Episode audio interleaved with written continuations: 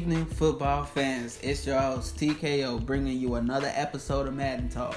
It's week two of the glorious football season, and you already know what I'm about to present to the people. That's right, I got those power rankings for you. So, obviously, at number one, we have the defending champs, aka the Patriots.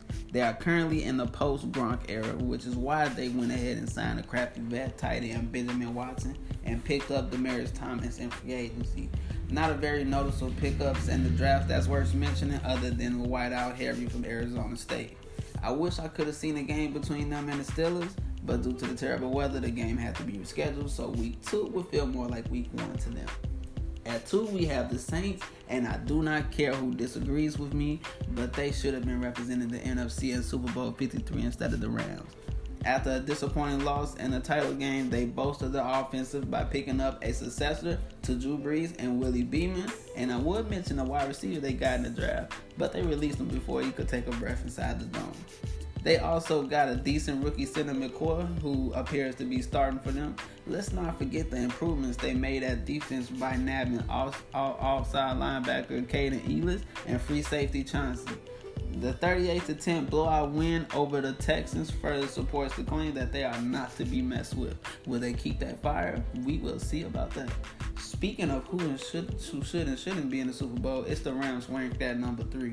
Nothing they did in the offseason really turned any heads besides forcing Jared Goff to change his name and face in order to stay with the team. Diabolical, by the way. Get this after the narrow victory against the Panthers, they went ahead and traded a second and fourth round pick to the Bears for Patterson just to put him at halfback, which, mind you, has Todd Gurley, Malcolm Brown, and newly drafted Darrell Henderson sitting in depth chart. What is going on in LA? I really don't want to know.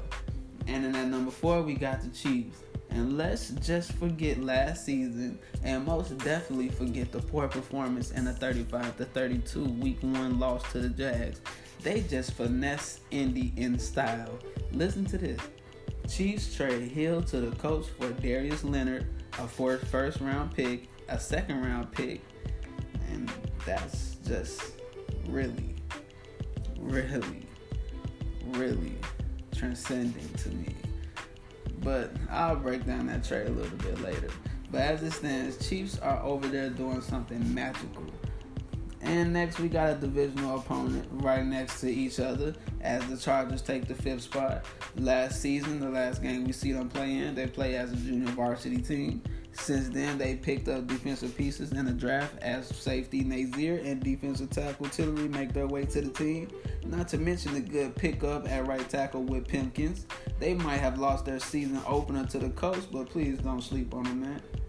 And speaking in existence, it's the Colts that got the number six spot, and they are really the talk around the league after the recent trade for Tyreek Hill. Luck already had weapons, especially with the addition of rookie wideout Parris Campbell, but now with Hill, it's a freaking overkill. They sacrificed a chunk of their defense with the departure of Darius Leonard, a defense that had been suffering these past seasons, and as soon as it becomes promising, the guy who's leading the resurgence gets traded. Yeah, I'm so looking forward to this season. Now, even though the Eagles suffered a humiliating loss versus their division rival, they still make it in the top 10 with the seventh spot because it's week one and it's going to take more than that to convince me that they shouldn't be. They lost Hicks, Foles, and Ajayi in free agency. But in my opinion, they didn't hurt them so much besides they got Jordan Howard from the Bears in exchange for third round pick and they really drafted a Stanford wideout Whiteside, so I kind of expect them to have their offense wrapped up. Might make it to the Super Bowl this year again, might not.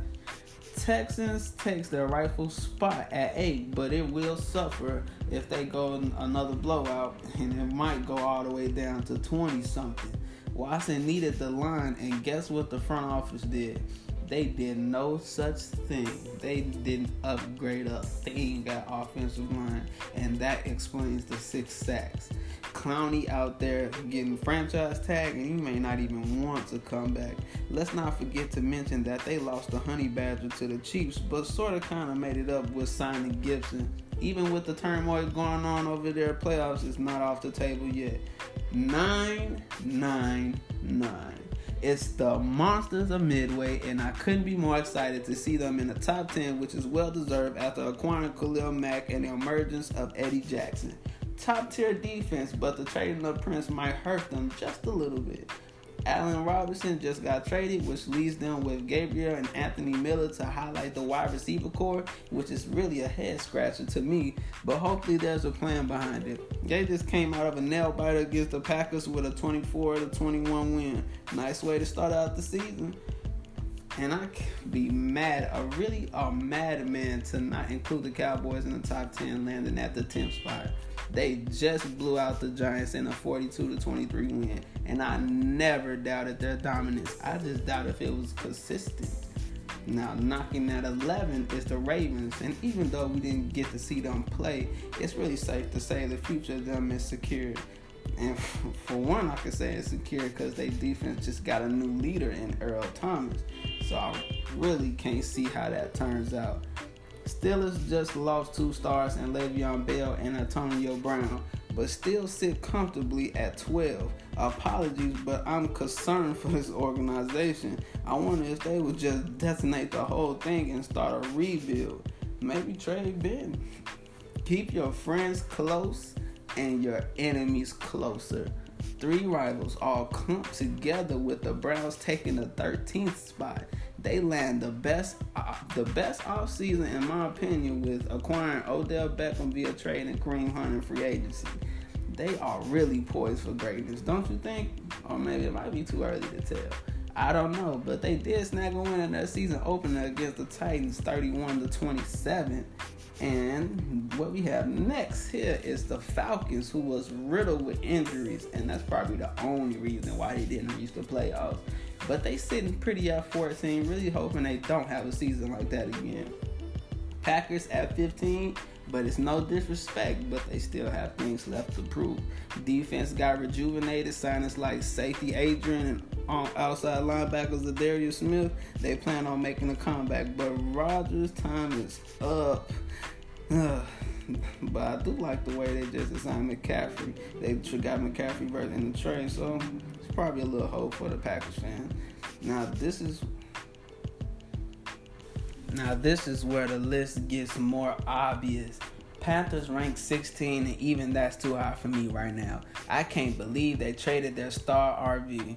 They got an unproven wide receiver in Scantling and halfback who will not amount to Caffrey and Aaron Jones.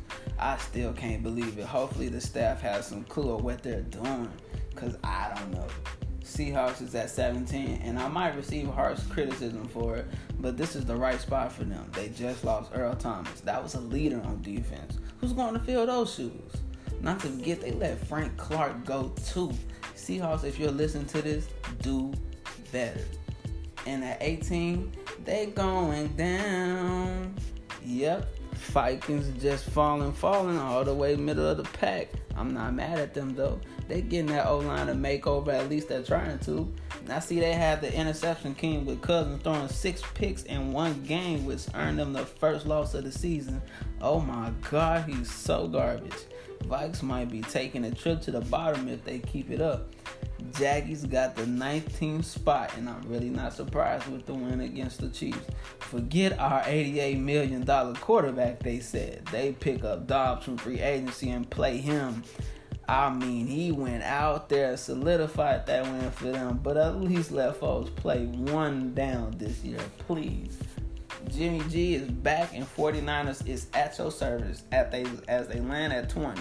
Nice win against the Bucs, and we see why Jimmy can do when he's healthy as he threw for 387 yards out of 20 completed passes and 5 TDs. They got a two-headed monster in the backfield with Tevin Coleman and Matt Breida. On the defensive side, we got one guy that will hopefully make the defensive line scary again with Bosa. Let's see how far they get this year. And at 21, we have the Broncos. And unfortunately, they didn't get to play. And besides Drew Lock, they didn't do anything spectacular in the offseason. So I don't know. They might stay there. They might go. It depends on what the new coach decides to do with that team. And uh, the Bucs prevail at spot 22.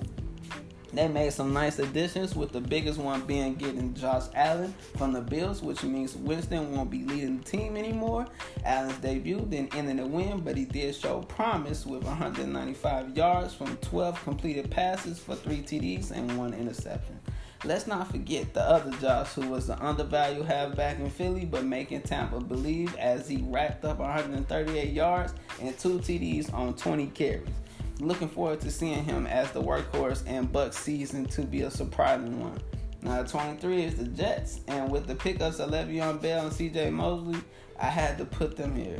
A good win against the rival Bills. Good fortune to them. Okay, 24th, we have the Raiders, and they have to be happy to even be right here. Antonio Brown highlights the offseason, but what's more crazy is the new coach's obsession with the Florida Gators that he had players change their name to match them. It's most as crazy as the doggone Rams. Prayers up to the people who have to enter this. Sorry about that, fans. Cardinals didn't play last week, and I really wanted to see Kyler Murray play in his debut. They'll sit at 25 for right now. Maybe next week they'll change. We don't know. The 26th spot goes to Skins. Redskins might have beat the Eagles, but it was nice that that defense did the scoring for them. This team is still suspect though. That offense didn't do a thing to excite anyone even with the addition of the rookie quarterback Haskins. So, what's up with that? Hopefully, they get it together. Now, let's close out this bottom six as they didn't even do great in the offseason nor even muster up a win for week one. It don't exactly spell doom, but the greatness ain't spelled out neither.